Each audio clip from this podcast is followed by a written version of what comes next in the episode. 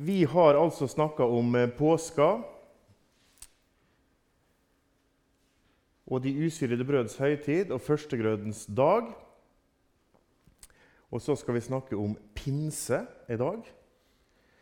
Eh, og så har vi de tre siste høytidene som vi har spart til den siste dagen. Eh, som vi kommer tilbake. Og da er det altså sånn at eh, det går sju uker ifra de høytidene som vi har eh, snakka om, de tre første, på våren. Og så har vi kommet til pinse. Den 50. dag, 49 dager, og så kommer den 50. dag. Det er pinsen. Skal vi se om vi eh, Ja. Jeg var litt usikker på om det var riktig presentasjon, men det ser, det ser bra ut så langt. Og Den leser vi om i hvert fall i 3. Mosebok, kapittel 23. Så der eh, skal vi lese sammen det som står om eh, denne høytiden, påske, pinsehøytiden. Fra dagen etter sabbaten Fra dagen etter sabbaten, fra den dagen dere bærer fram svingekornbonde.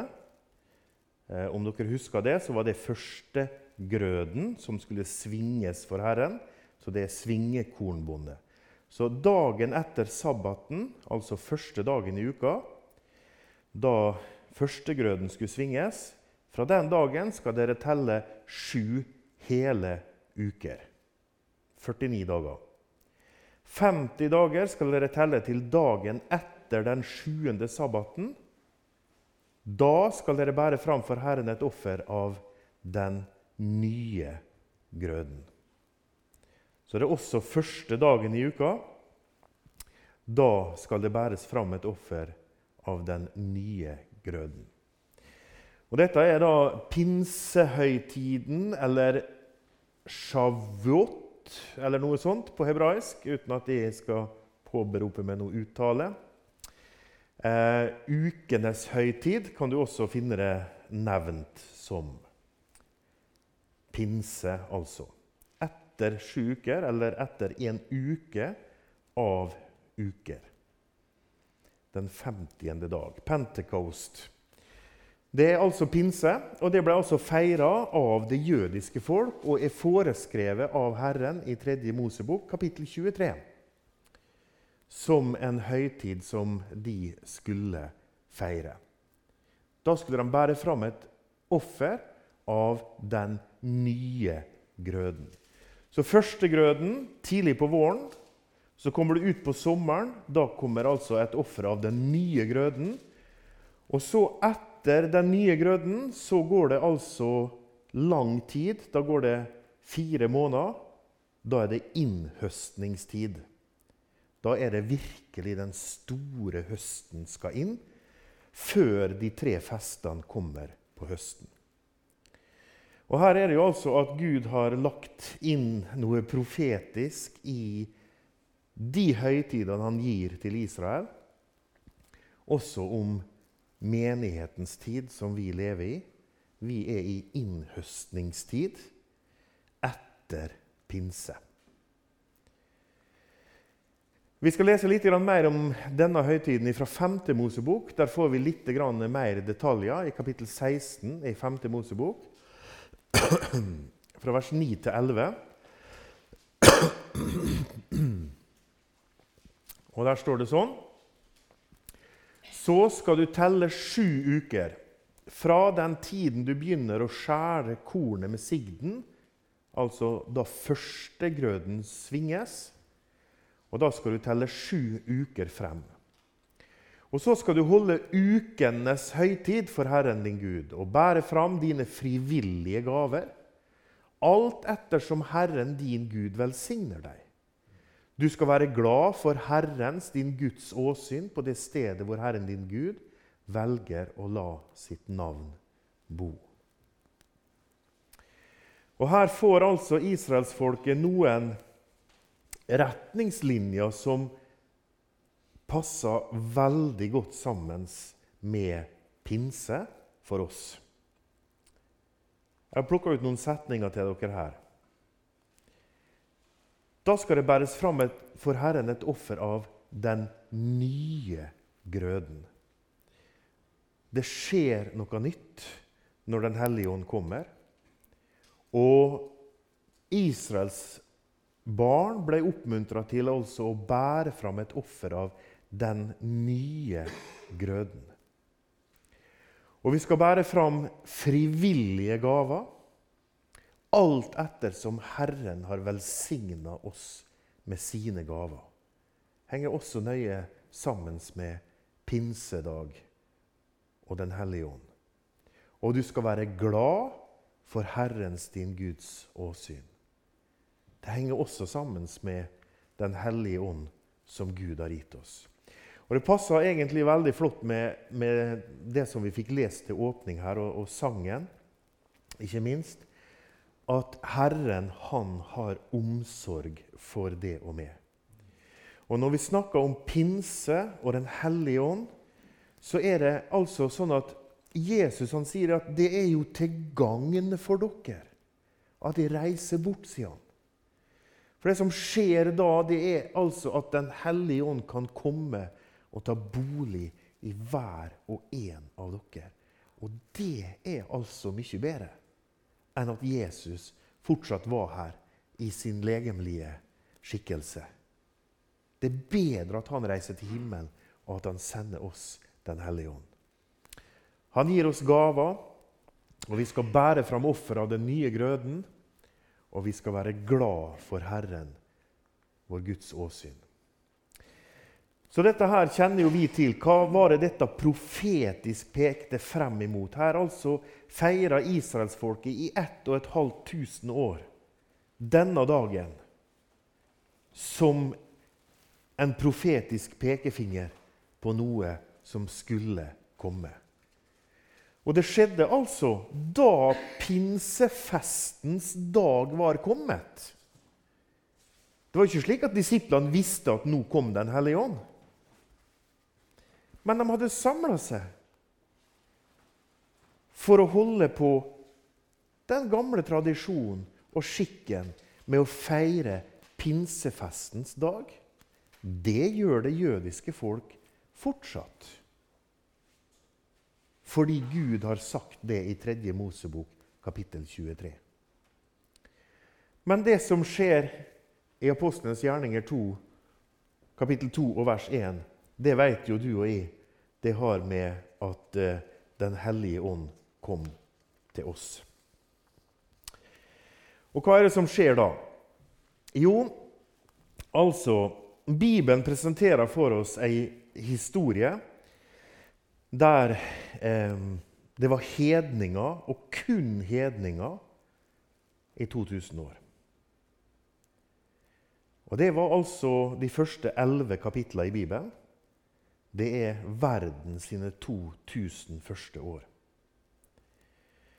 Frem til Abraham så går det altså 2000 år, og der var flere troende av hedningefolk. Frelste mennesker. De trodde Gud, og de trodde på det ordet som Gud talte. Det kan du se i Hebrebrevet 11. Der er de nevnt, flere av dem. Men så kommer jo Abraham på banen etter 2000 år. Og um, da etablerer Gud et nytt folk, det jødiske folk. Og Dermed så har vi en bibel som snakker om i hovedsak det jødiske folk. Fra kapittel 11 i første Mosebok, eller fra kapittel 12, når Abraham kommer på banen i første Mosebok, og resten av Det gamle testamentet. Og Da opererer Gud med to folk på denne jord, det er hedninger, og det er jøder. Og Så skjer det altså noe på pinsedag. Da blir menigheten født. Da innfører Gud et nytt folkeslag på denne jord. Men dette folkeslaget, menigheten, består av hedninger eller jøder. Så du og jeg som ikke er jøder, vi er hedninger. så jeg er en hedning. Så trenger vi jo ikke å melde oss inn i hedningesamfunnet, kanskje. Men eh, altså, som folkeslag så er det sånn Bibelen fremstiller det for oss. Er ikke du jøde, så er du hedning. Og så finnes det frelste jøder. De kaller vi gjerne messianske jøder.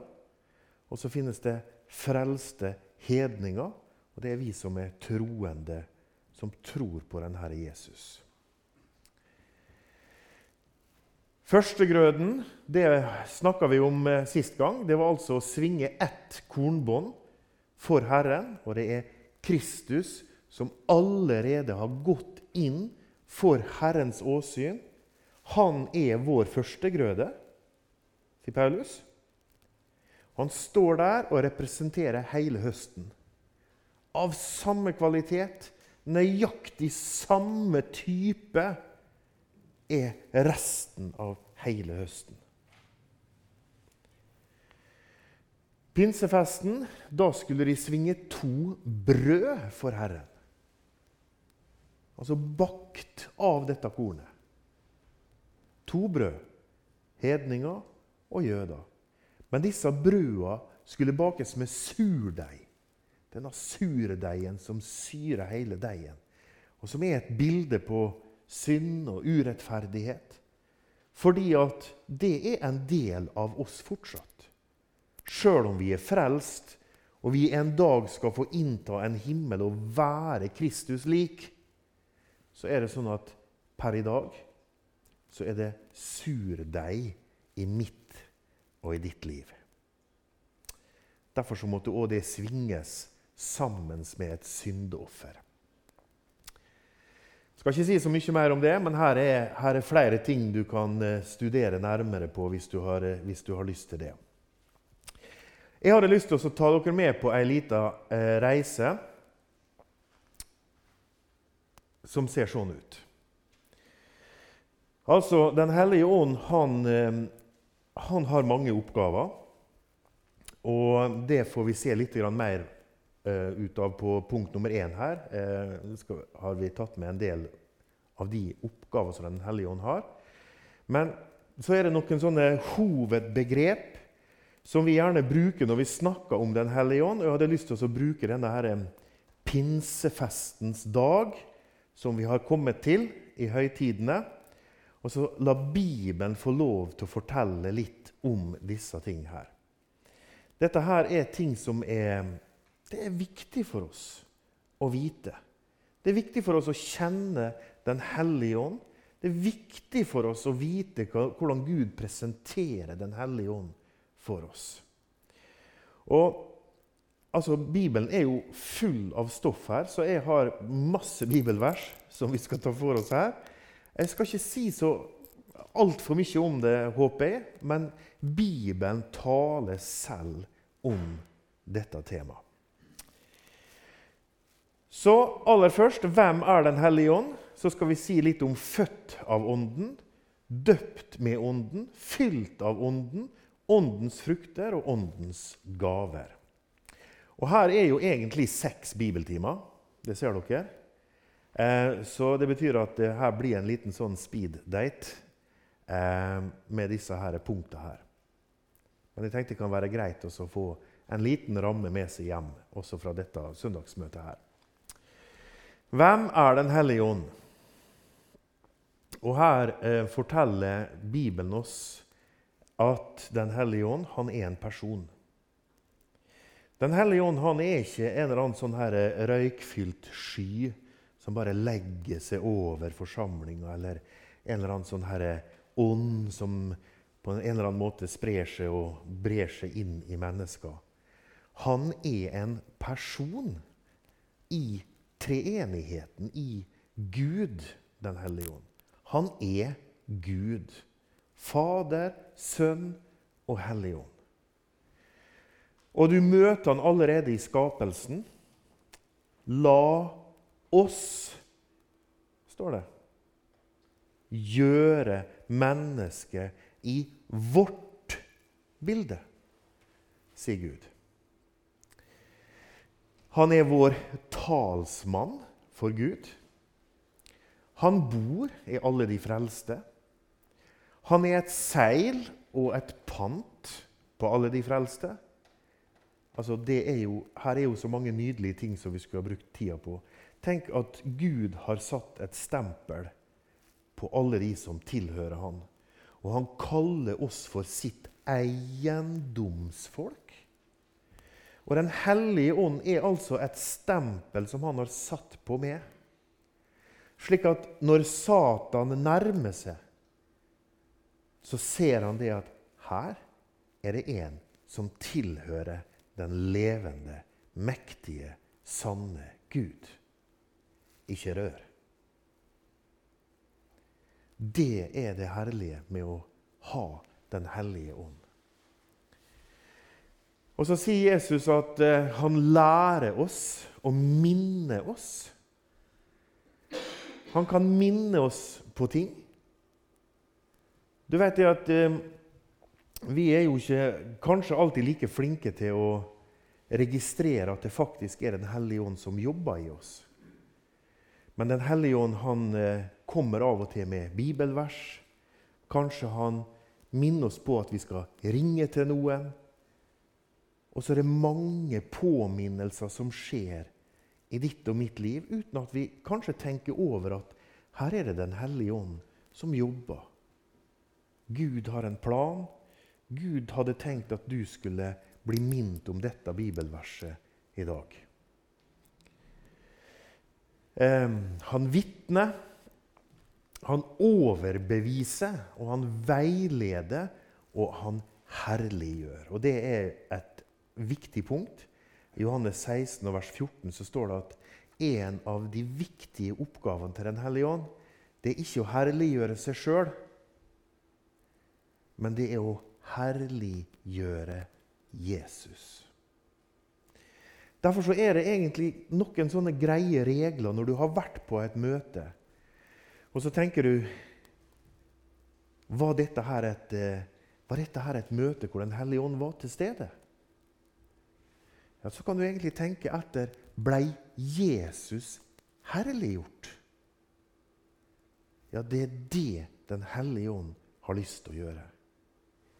Hvis predikanten blei herliggjort, da var det tvilsomt at det var Den hellige ånd som var der. Hvis misjonæren blei herliggjort Det driver ikke Den hellige ånd med. Han herliggjør Jesus.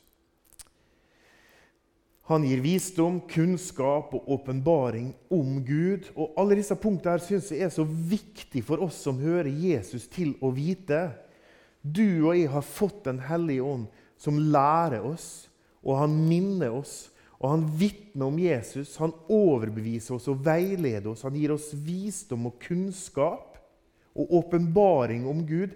Dette er ikke noe som er forbeholdt noen som har utdannelse i teologi, eller noen som er pastorer eller predikanter. Alle vil Den hellige ånd virkelig lære å overbevise. Så bønna i Efeserbrevet 1 er ei veldig god bønn å be. Og den er jeg 100% sikker på at Gud vil svare. For der, den bønna er det Paulus som ber. Og han ber om visdoms- og åpenbaringsånd. Og Den hellige ånd vil svare på den bønna. Han vil gi det visdom i Guds ord, og han vil åpenbare Gud for det i sitt ord. Ei herlig bønn.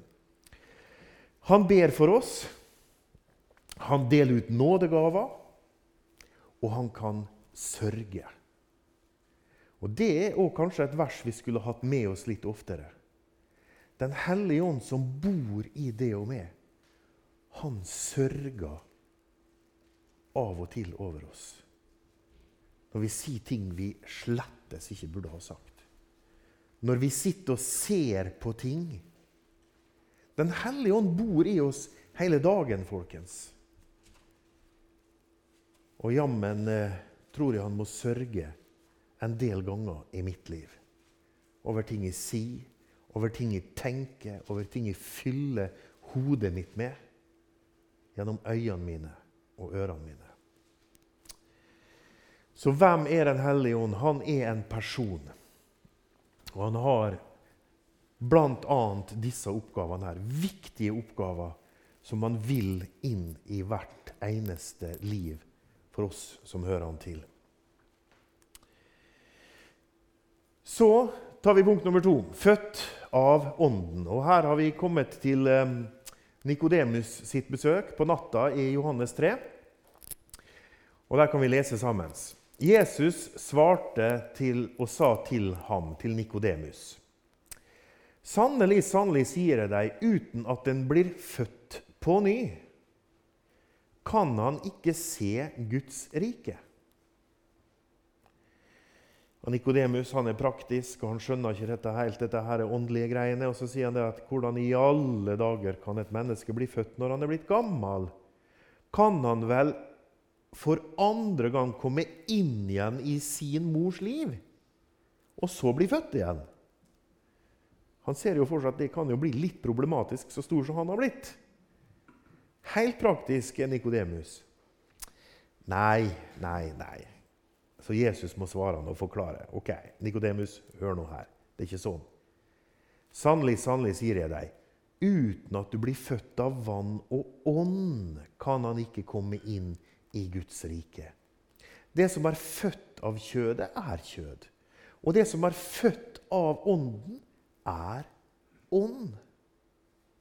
Du må bli født av ånden. Eller født på ny, eller født ovenfra, kan det også oversettes, det som står her. Undre dere ikke over at jeg sa til deg dere må bli født på ny.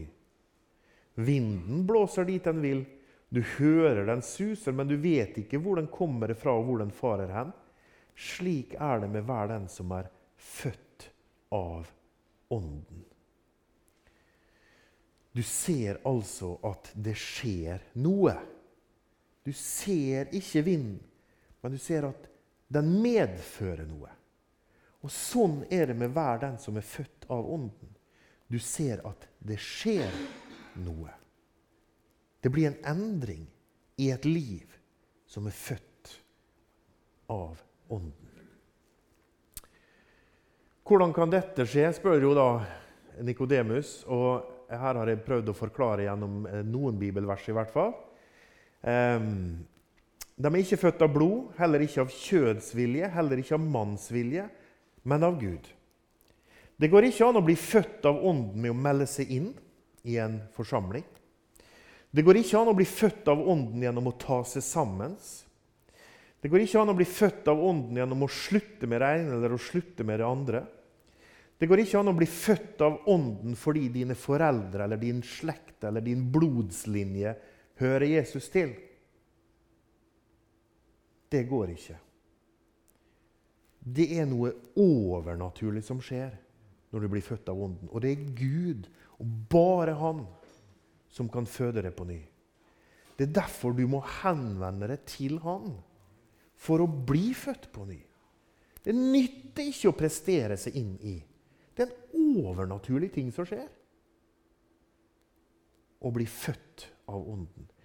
Etter Hans vilje så har Han født oss ved sannhetsord.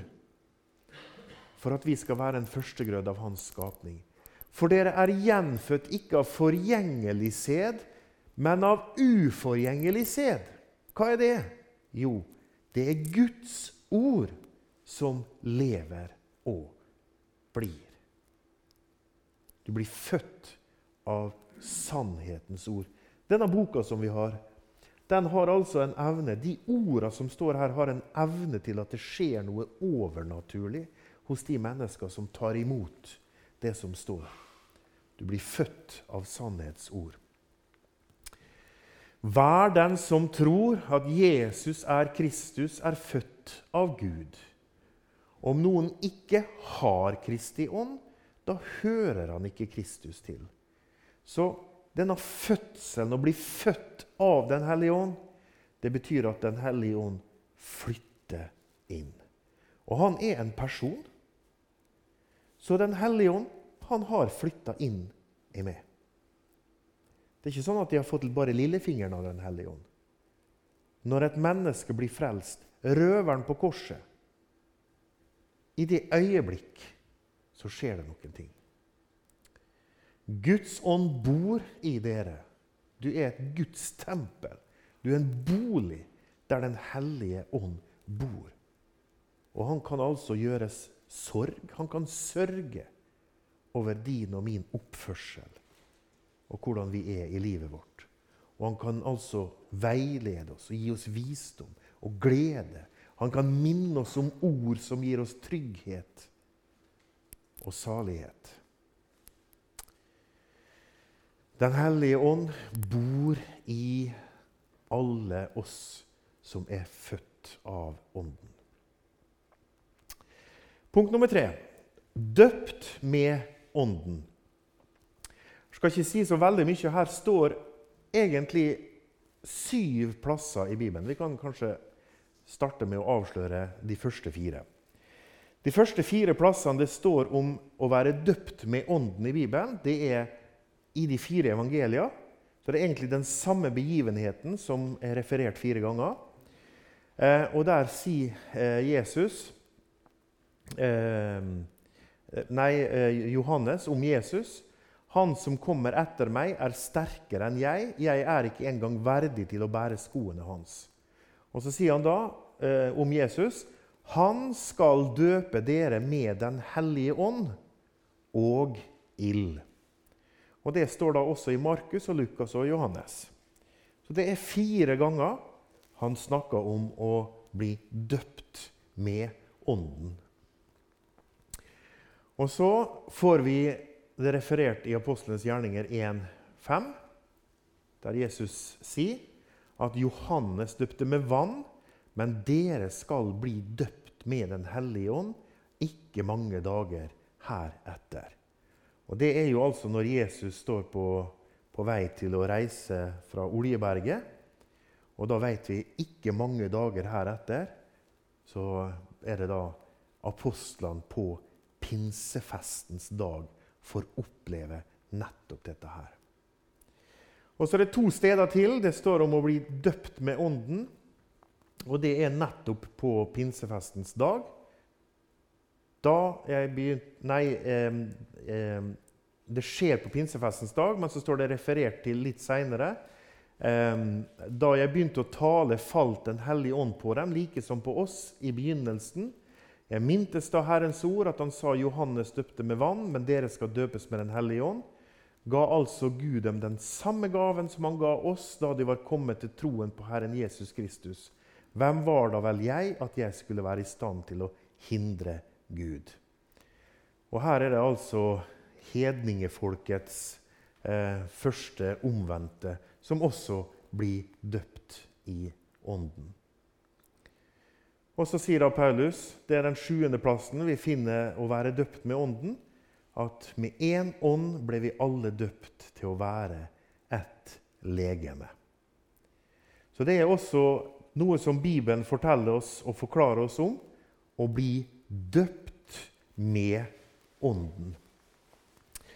Eh, for med én ånd ble vi alle døpt til å være ett legeme, ja, sier Paulus. Og han er hodet for legemet, som er menigheten som vi som hører menigheten til, vi som hører legemet til, vi er døpt med Ånden. Fylt av Ånden Jeg ser at tida tikker veldig fort her, så vi må kjappe oss litt. Fylt av Ånden står det også om i Guds ord. Drikk dere ikke drukken av vin, for det fører bare til utskeielser. Det er et praktisk råd vi har fått. Det er ikke lurt å drikke seg full. Da blir det bare tøys og tull. Men bli fylt av Ånden. Og da er det altså sånn at Når man skal drikke seg full på vin, så må man drikke vin. Skal man bli fylt av Ånden, så må man drikke av den kilden som Gud har gitt oss. Og det er den boka her. Så det å bli fylt med Ånden, det er eh, bl.a.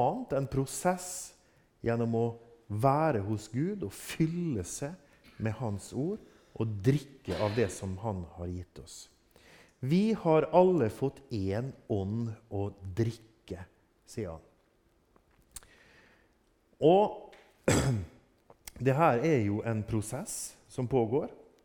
At Den hellige ånd skal få fylle oss mer og mer.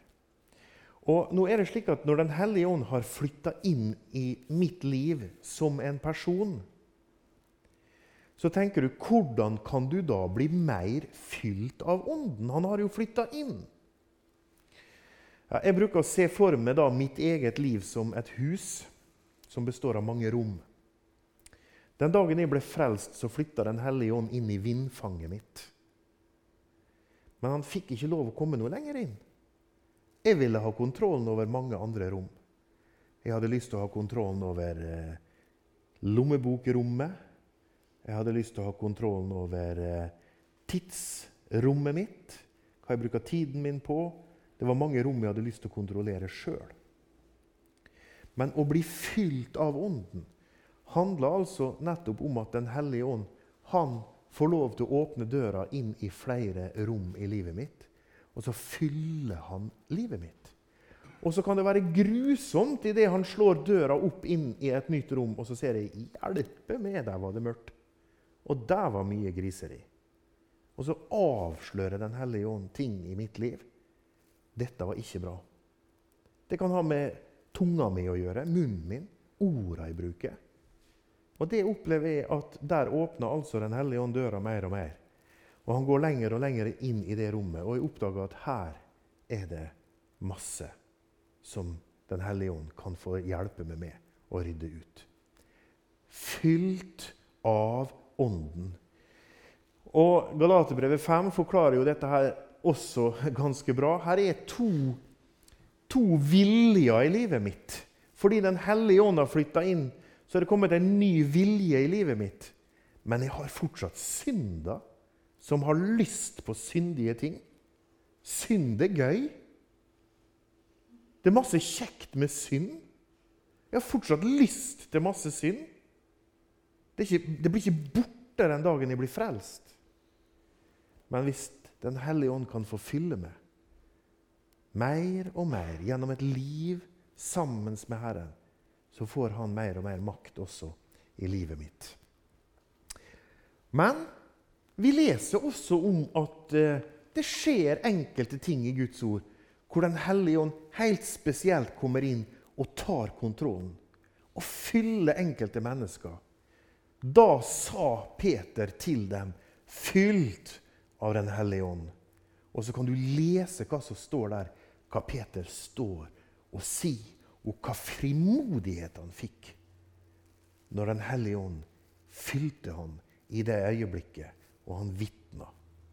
Kanskje har du også opplevd det at du, du går ifra en samtale med noen, og så klør du deg nesten i hodet over at Hjelpe meg, greide jeg å si alt det? Greide jeg å vitne nå, faktisk? Av og til så går du fra en samtale, og så, og så har Den hellige ånd vært der. Og så har han fylt det i det øyeblikket og hjulpet det. Og det skjedde da de hadde bedt, at de alle ble fylt med Den hellige ånd. Og hva skjer når de ble fylt med Den hellige ånd? De talte Guds ord med frimodighet. De begynte, begynte ikke å oppføre seg som gale hunder og springe rundt på gulvet og bjeffe og, og, og lage halloi. De begynte å tale Guds ord med frimodighet.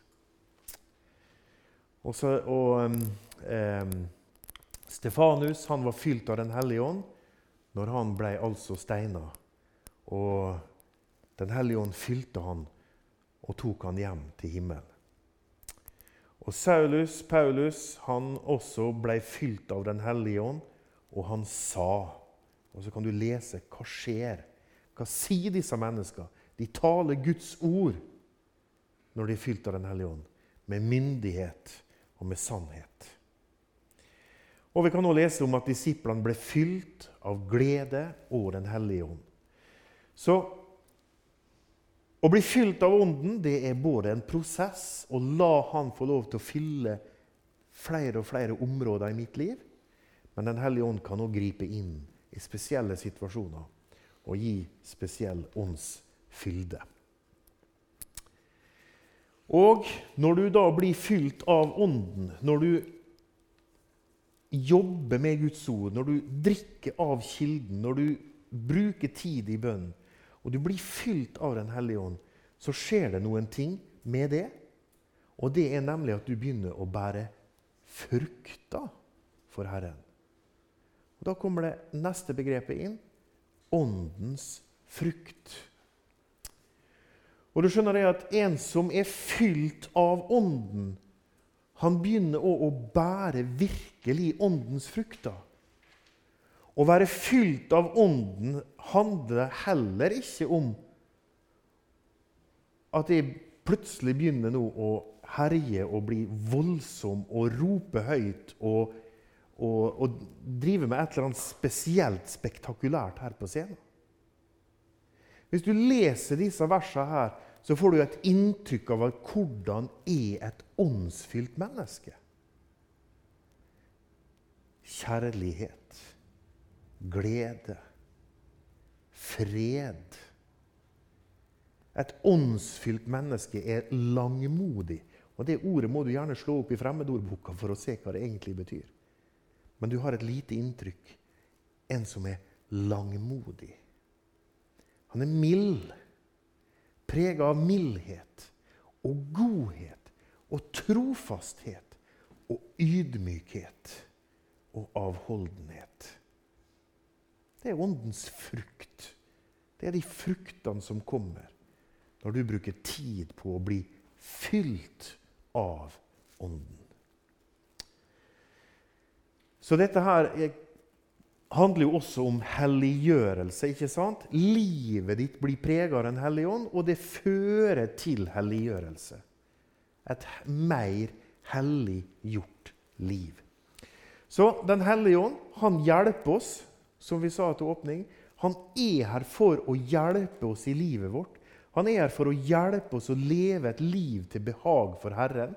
Han er her for å hjelpe oss å han har omsorg for oss. Han vil minne oss om ting, han vil lære oss ting. Han vil fylle oss med glede og frimodighet. Og så skulle jeg virkelig ønske at jeg var et sånt menneske med disse fruktene.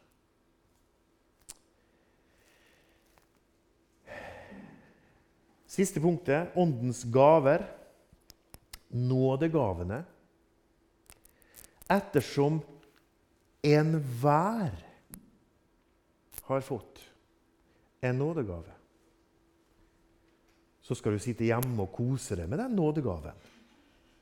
Og ikke dele den med noen. Ikke si det til noen at du har en nådegave. Nei, så tjen hverandre med den, som gode husholdere over Guds mangfoldige nåde. Og så syns jeg det er, det er viktig å presisere, folkens, at en nådegave det er ikke et resultat av åndsfylde. Det er ikke et resultat av at du er fylt av Den hellige ånd og bærer masse god frukt for Herren. Men det er sånn vi tenker av og til. Vi tenker av og til om en god predikant, så tenker vi åh, han der, han må være helliggjort, han. Og han må være fylt av Ånden, han. Og han må vel bære masse frukter, han. Men det rare er at Den hellige ånd han deler altså ut nådegaver. Ikke basert på om du har fått det til, på om du er virkelig god til å leve som en kristen. Nei. Enhver har fått en nådegave. Så det er lett for å la seg lure. Vi blir av og til litt slått av nådegaver av og til, vi mennesker. Oi, for en flott nådegave. Så nydelig å høre på Erlend når han synger. For en nådegave. Så fantastisk godt at han deler han med hele menigheten. En nådegave gave i tjeneste for Gud. Og så er det sånn at På ett legeme så har vi mange lemmer. og Romerbrevet 12 og 1. Korinterbrev 12 kan du jo lese. Dette her er geniale. altså Hvor Paulus han, han fora det med teskei og forklarer det slik at alle skal forstå. Han gjentar det samme om igjen og om igjen. Hallo, hvis alle var øre, hva skjedde da med synet? sier Paulus. Hvis alle var lillefinger, kunne du da gå? Nei. Hvis alle var predikanter, hadde det vært veldig greit? Det hadde jo ikke det. Da hadde vi jo stått her hele gjengen i dag. Da. Det hadde jo ikke vært noe særlig bra. Av og til kunne jeg ønske at jeg kunne synge like bra som Erlend. da. Det hadde jo vært veldig ok å ha denne nådegaven. Men altså, Herren deler ut gjennom Den hellige ånd. Og ikke alle gjør det samme. Ikke alle er gode på det samme. Men Gud har delt ut forskjellige gaver. Og det er ikke som medalje for lang og tro tjeneste, men det er altså en gave Herren gir til de som hører Han til, for at du skal tjene Han. Du er spesielt god på noe. Du har fått en overnaturlig gave til å tjene Herren. Så sjøl altså om du har fått en nådegave, så handler det fortsatt om å fylle seg med Den hellige ånd. Så handler det fortsatt om å fylle seg med Guds ord, slik at Gud kan få bære åndens frukt i livet ditt. Og så kan jo kanskje nådegaven også utvikle seg gjennom et liv. Født av Ånden, døpt med Ånden, fylt av Ånden, Åndens frukter og Åndens gaver. Forskjellige aspekter med Den hellige ånd, og som Han gjør med oss i menigheten. Fra dagen etter sabbaten, fra den dagen dere bærer fram svingekornbåndet, skal dere telle sju hele uker. 50 dager skal det telle til dagen etter den sjuende sabbaten.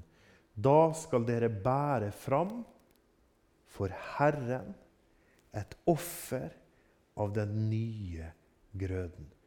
Hvorfor har du og jeg fått Den hellige ånd? Hvorfor er vi her i det hele tatt? Altså, Det lureste Gud kunne gjøre, var å hente oss hjem til himmelen etter hvert som vi ble frelst. Ikke sant? Da var vi trygge, da. Da var vi poff, så var vi der. Etter hvert som vi ble født på ny, så skulle han ha henta oss hjem. Det hadde jo vært det smarteste. Men det hadde ikke vært så veldig mange igjen her til å fortelle om han. Vi er sendebud i Kristi sted. Vi er Kristi brev det er folk som driver og leser oss hver dag. Leser livet våre. Hvordan lever vi? Hvordan bringer vi den evige Gud hit til verden? Det er jobben vi har å gjøre.